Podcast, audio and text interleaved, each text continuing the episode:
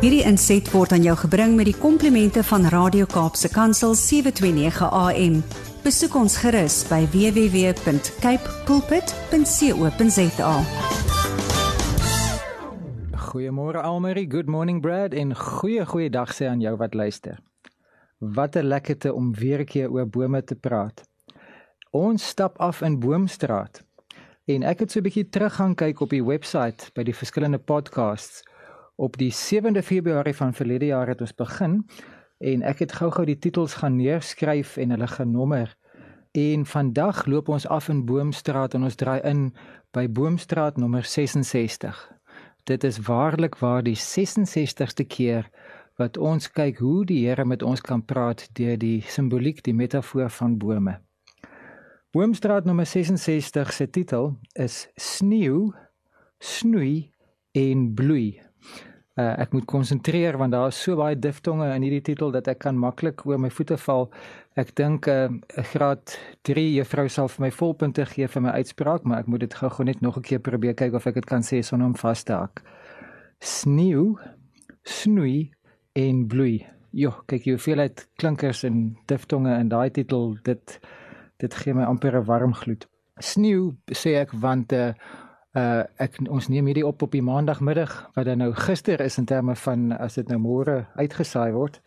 En uh, daar is sneeu op die berge. En die weerkantoor laat weet dat tot dusver is vandag die koudste dag van die winter oor die hele land. En uh sneeu is natuurlik 'n aanduiding daarvan dat dit winter is en winter is natuurlik een van die vier seisoene. Vier jaartye in die uh in die in die jaar seisoen in die jaar siklus en ons kan praat oor die weer, die klimaat, ons kan praat oor klimaatsverwarming, ons kan praat oor 'n klomp dinge en ons of ons kan ook praat oor die verskillende seisoene van 'n mens se lewe van Pieter tot pensionaris. En so gepraat van pensionaris, ek het laasweek was ek by 'n klein handelwinkel ingewees wat spesiale aanbiedinge gee vir pensionarisse.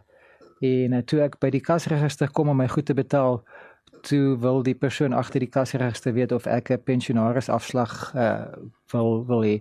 En dit is die eerste keer in my lewe wat iemand vir my pensionaris afslag aanbied en ek lag toe eers 'n bietjie in my binnekant en toe voel ek geskok want ek is nou nog eers maar 55 En toe besef ek maar ek is um, in die afsienbare toekoms is ek dan nou 'n wannabe pensionaris en uh, dit ek moet vrede daarmee maak.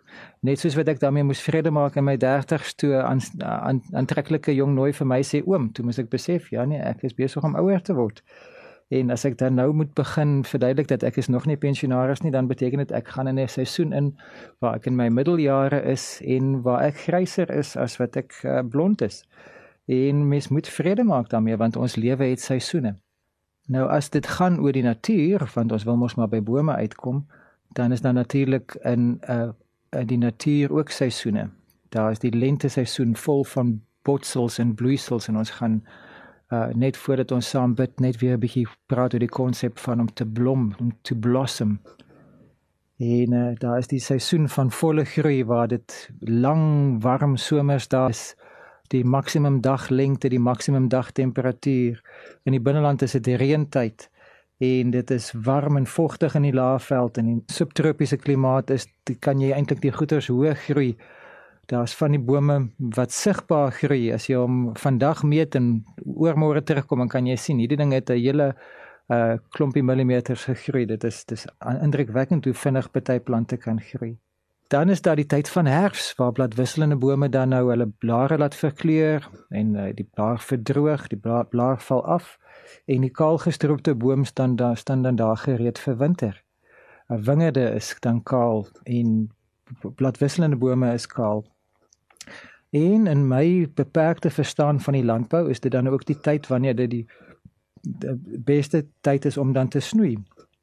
En snoei in terme van 'n wingerd of in terme van 'n vrugteboom eintlik maar in terme van elke boom wat jy wil snoei of dit nou 'n bonsai is of watter boom jy ook al wil snoei beteken dat jy van die groeipunte uh, elimineer dat daar minder groeipotensiaal is dat die boom nie so na alle kante toe divers versprei nie maar dat hy meer gekonsentreer meer gelokaliseer meer ge gerig doelgerig groei net in spesifieke takke dat sekere van sy takke kry promosie, sekere van die takke kry bevordering, sekere takke kry dan al die voedingswaarde.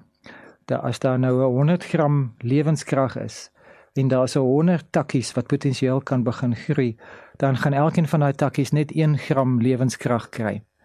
Maar as jy 80 van daai lewenstakkies terugsnoei en ehm um, nes daar's net 20 van hulle oor, dan gaan daai 20 lewenstakkies nog steeds tussen hulle die 100 gram lewensgroei in die lente kry wat beteken hulle gaan in in verhouding baie meer lewenssap, meer lewens lewensbronne, meer voedingsstowwe, meer resources hê wat beteken hulle gaan sterker groei en hulle gaan dan potensieel ook meer kan dra. Want jy wil 'n appelboom, 'n vrugteboom, 'n wingerd hê wat gesonde, vol vrugte dra, nie 'n klein uh, verrimpelde, verdroogde wannabe vruggies dra nie. En snoei maak dan dat die lewenskrag gekonsentreer word op die plekke waar dit die beste effek kan hê. Uh daar is natuurlik plante wat gesnoei word al is hulle nie vrug, vrugtebome nie. En enige plant, selfs 'n klein potplant kan baie daarbey dat jy die halfdooie en dooie takke en die ou hout en die ou ou groei uitsnoei uh wat dan beteken dat slegs dit wat regtig mooi of um uh waardevol is agterbly. In die geval van 'n bonsai wil jy die die boontjie se se se groeipunte bo grond en ondergrond ook terugsny om sy totale hoogte te beperk om en om sy vorm baie mooi te definieer.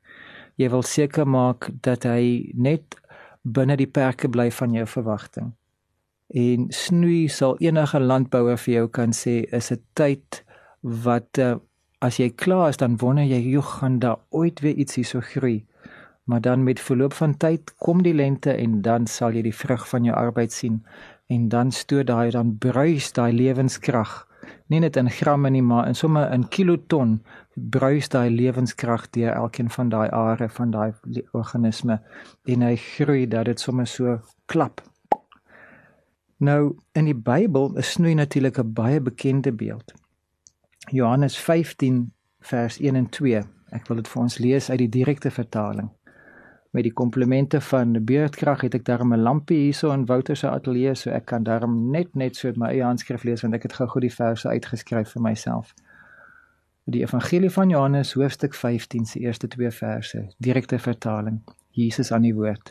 Ek is die egte drywerstok en my Vader is die landbouer elke loot aan my wat nie vrug dra nie, sny hy weg. Maar elkeen wat vrug dra, snoei hy skoon sodat dit meer vrug kan dra. En net sodat daar geen misverstand is nie, kom ek lees dit nog een keer vir ons. Johannes 15 se eerste 2 verse. Jesus sê: Ek is die egte drywerstok en my Vader is die landbouer. Elke loot aan my wat nie vrug dra nie, sny hy weg. Maar elkeen wat vrug dra, snoei hy skoon sodat dit meer vrug kan dra. Sny hy weg en snoei hy skoon. Sny hy weg het vir my die ewige implikasie dat iemand wat nie lewendig is nie, kan nie by die outeur van die lewe tuis voel nie. Iemand wat geestelik dood is, moet in die afwesigheid van God wees en die enigste plek wat die afwesigheid van God moontlik maak, is wanneer ons vanuit die doderyk in Gehenna in die hel is waar daar waar God doelbewus sy teenwoordigheid onttrek het. Want um, iemand wat nie met lewe te doen wil hê nie wil dood wees wil ewig geskei wees. Dood nie omdat sy bestaan opgehou het nie maar omdat hy geen vermenging met die lewe wil hê nie omdat hy geen kontak met die lewe wil hê nie. Uit eie keuse uit heeltemal af afwil sonder weg van God af Maar ons is nie die sulkes nie. Ons is die nie die wat ons rug draai op God nie. Ons is nie die wat wil wegkeer en sê los my uit nie. Ons is die wat sê ja Jesus, ek wil U volg. Ek wil vrug dra. En as ons dan 'n vrug dra, lo and behold, kyk nou net voor waar voor waar, dan in plaas van dat ons applous kry, dan word ons gesnoei. Snoei is nie 'n straf nie. Snoei is nie uh dat jy nie goed genoeg was nie. Snoei is juis 'n emosie van vertroue. Snoei is juis dat Jesus sê kom dit smaak na meer. Jy gaan meer uitkom. Hy het volle vertroue in jou potensiaal. Hy sien wat jy kan doen en hy besef dat jy kan meer doen. Snoei is nie straf nie. Snoei is nie die vyand wat steel nie. Snoei is nie ehm um, iets wat ehm um, moet moet vermy word nie. En snoei is ook nie iets wat jy aan jouself kan doen nie. Uh, in my verstaan en ek het nou nog nie die finale antwoord nie. Ek is besig om hierdie ding so bietjie vir myself te probeer uittrap en ek ek begewe myself hierso by die by die plek waar ek wil sê hierdie is 'n halfgebakte aardappel. Hierdie antwoord is nog nie gaar nie. Maar in my beperkte verstaan beteken dit dat 'n area waarin ek eintlik 'n bietjie sou kon resultate sien word uit my lewe uit verwyder sodat ek in 'n ander area waarin ek meer resultate kan hê, meer tyd, meer energie, meer aandag kan gee. Uh, as ek vir al die jare baie mooi gebruik was in 'n in 'n Bybelstudiegroep en vir redes wat ek nie kan verstaan nie, word ek uit daai Bybelstudiegroep uitverwyder, nie deur my eie keuse nie, maar dit iets gebeur. Uh, en dis nie die vyand wat dit wat wat wat my probeer verhinder nie, dit is Vader wat sê Maar daar waar jy in die Bybelstudiegroep het jy mooi vrug gedra, maar jy moet nou in die markplein nog baie meer vir meer vir my beteken. Jy gaan nog meer vrug dra aan 'n ander plek, 'n plek wat jy nie gekies het nie, 'n plek wat ek vir jou bestem het. Dit kan vir my 'n voorbeeld wees van snoei, dat 'n area wat wel vrug gedra het, word beëindig. Nie deur die vyand se werking nie, nie deur omstandighede nie, nie deur toeval nie, maar deur God se ingryping knip hy dit af, sny dit uit jou lewe uit en op daai oomblik is dit pynlik, op daai oomblik is dit 'n verlies. Op daai oomblik dan bloei jy. Blood, sweat and tears. Dit voel soos hoe kan dit dan nou wees en jy wonder as die vyand wat steel, jy wonder wat wat word ek dan nou gestraf? Jy wonder as die Here dan nou nie meer lief vir my nie. Maar as jy mooi terugkyk, dan sien jy dit was Vader in sy wysheid wat daai goeie in jou lewe uitgesny het om plek te maak vir die beter. Dit wat gesnoei is was goed, maar dit wat gegroei het was beter. Snoei is nie straf nie. Snoei is nie steel nie. Snoei is Jesus wat weet hoe om die beste uit ons uit te haal. En dan daar waar die bloei, die blood sweat and tears eers was, kom daar die bloei van 'n bloeisel, 'n blossom en kom daar nuwe vrug, vrugte wat 'n nuwe geur, 'n nuwe kleur, 'n nuwe aangename aantreklikheid bring eienskappe wat jy nie eens geweet het jy het nie, vaardighede wat jy nie van tevore beoefen het nie, kom te voorskyn want die landbouer weet daar soveel meer in jou. Kom ons praat met die boer van alle eeue. Kom ons praat met Jesus wat die snoeisker vashou terwyl hy nie met 'n frons vir jou kyk nie, maar met 'n glimlag sê: "Kom en groei, kom en groei, laat ek snoei." Kom ons gesels met Jesus. Jesus. Ek verstaan nie snoei in my eie lewe nie. Ek verstaan dit so bietjie as dit kom by 'n uh, 'n paar potplante. Ek verstaan dit so bietjie as dit kom by van dinge soos 'n wingerd of 'n vrugteboom. Ek het 'n beperkte verstaan wat die natuurlike snoei aanbetref en ek verstaan dit is ten goeie. En Here, ek gaan deur 'n seisoen waar daar van die goeie aktiwiteite in my lewe uitgesnoei is. En ek het gewonder is dit vyand wat steel of is dit die gevolge van my verkeerde keuses? En ek begin wonder is dit nie dalk u wat begin snoei sodat daar nuwe bloeisels kan uitkom nie. En ek het nie die antwoord nie, maar ek het vir u en u gaan my begelei. U gaan vir my wys wat is snoei en wat is die vrug daarvan sodat die vrug meer en meer kan word in Jesus naam. Amen. Hierdie inset was aan jou gebring met die komplimente van Radio Kaapse Kansel 729 AM. Besoek ons gerus by www.cape pulpit.co.za.